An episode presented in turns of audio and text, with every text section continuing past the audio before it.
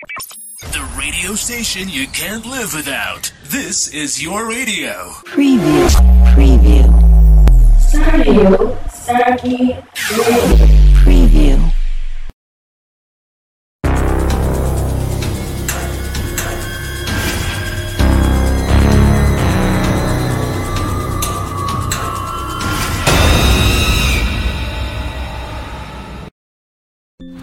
Halo semuanya, pada malam hari ini, gue Anastasia Easter akan menceritakan sebuah kisah horor yang berjudul Villa Bali. Kisah ini bercerita tentang kisah horor dari seorang gadis yang bernama Anin yang tengah menjalani rekreasi bersama ibunya dengan menginap di salah satu villa Bali.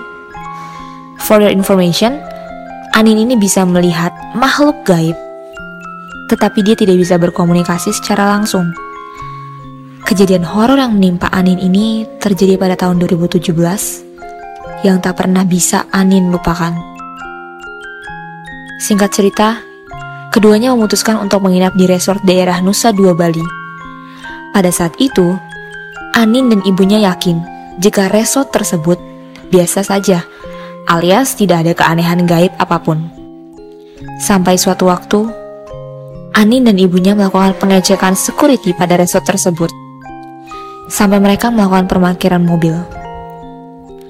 Dalam perjalanan dari parkiran menuju lobi resort, membutuhkan waktu sekitar 5 menit dengan berjalan kaki dengan melewati area bambu kuning.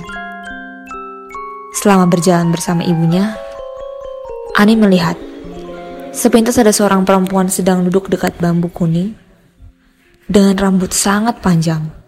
Sampai-sampai rambut tersebut menyangkut di beberapa batang pohon. Ibu Anin pun juga merasakan hawa tak enak ketika melewati area bambu kuning tersebut. Singkat cerita, Anin dan ibunya melakukan check-in kembali karena keduanya sudah booking di hari sebelum mereka hendak pergi ke resort hari itu. Tapi selama pengecekan, resepsionis mengatakan hal yang aneh bahwa kamar yang Anin dan ibunya pesan sudah habis. Terdengar tidak mungkin, karena jika sudah pesan dari jauh-jauh hari, kamar yang sudah di booking seharusnya tidak ditempati orang lain kecuali pembayaran dilakukan double. Akhirnya pihak resort menjelaskan bahwa terdapat kesalahan sistem pada saat pemesanan booking villa. Maka dari itu, Pihak resort berkata akan menggantikan kesalahan mereka dengan memberikan upgrade dari pesanan sebelumnya. Pihak resort pun memberikan kompensasi berupa upgrade resort dengan tipe kamar royal private. Karena kebetulan kamar tersebut dibatalkan oleh tamu, jadi Anin dan ibunya akan dipindahkan ke kamar tersebut. Setelah berpikir panjang, akhirnya Anin dan ibunya sepakat mengambil kamar itu karena mereka tidak ada pilihan lain untuk mereka tempatkan. Setelah sepakat, keduanya pergi menuju villa dengan tipe kamar Royal Private. For your information, kamar tipe Royal Private ini ada dua. Salah satunya sedang direnovasi. Letak kamar yang direnovasi bersebelahan dengan kamar royal yang akan dihuni oleh Anin dan ibunya. Penampilan luar villa nan megah dengan dua gapura yang kiri kanan seakan-akan yang berkuasa melindungi villa itu. Di dalam kamar, terdapat dua kamar master bedroom dan kamar biasa. Dalam bagian master bedroom, terdapat gazebo di bagian luar ruangan. Terdapat juga kamar mandi dengan konsep terbuka dengan ditemani oleh patung penari di dalam kamar mandi tersebut. Singkat cerita, setelah Anin dan ibunya membereskan perlengkapan koper, keduanya bergegas untuk berenang sambil berfoto di kolam. Dalam jangka waktu beberapa menit, terdengar suara orang bercanda bermain air, tepat di villa yang sedang direnovasi tersebut. Tetapi, lama-lama suara tersebut berubah menjadi suara rintihan. Setelah selesai berenang, sekitar pukul 17.30 menjelang maghrib. Hawa yang dirasakan keduanya ketika memasuki villa terasa berbeda. Hawa menjadi dingin dan terdengar suara tokek yang menetap sampai lima jam berbunyi. Saat itu, Anin dan ibunya sedang tiduran di kamar master bed. For your information, kamar master bedroom terdapat kaca yang dapat menembus sampai bisa melihat ke arah taman villa. Saat itu Anin sedang melihat sekitar ke arah luar kaca.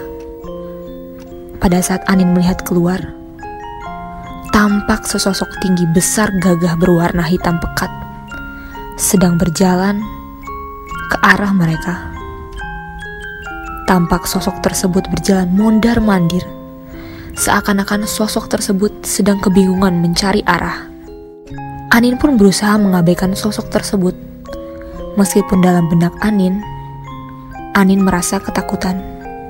Jam sudah menunjukkan pukul 20. Sosok tersebut lama-kelamaan menghilang. Beberapa menit kemudian, ibunya Anin menghubungi teman-temannya untuk mengajak mereka tinggal di villa tersebut. Karena kebetulan posisi teman-temannya berada di Bali pada saat itu.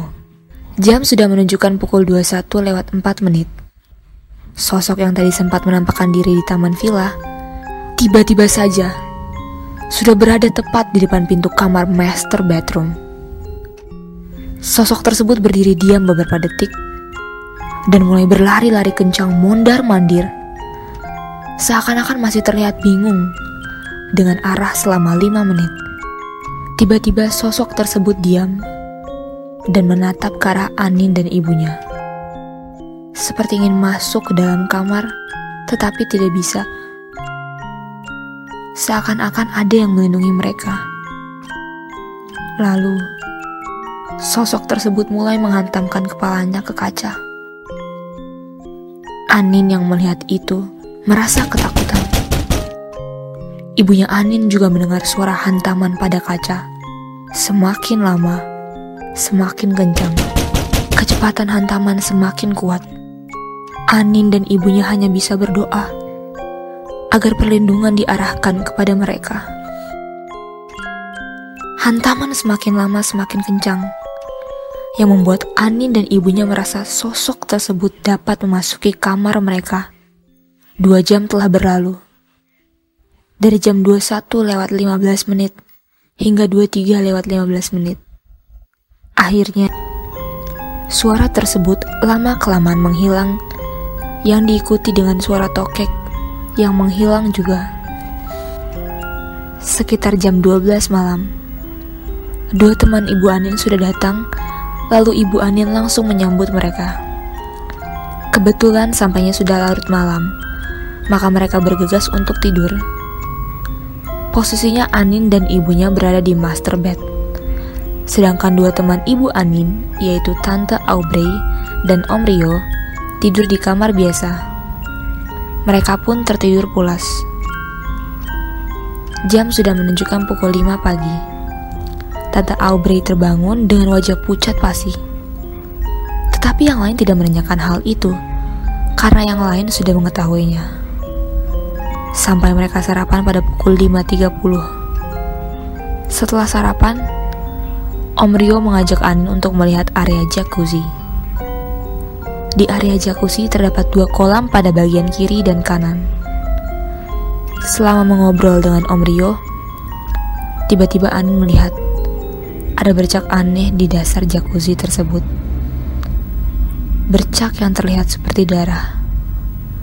Tetapi Lama-kelamaan, bercak darah yang tadi sempat dilihat berubah menjadi cairan baru, seperti darah segar yang kental dan gelap.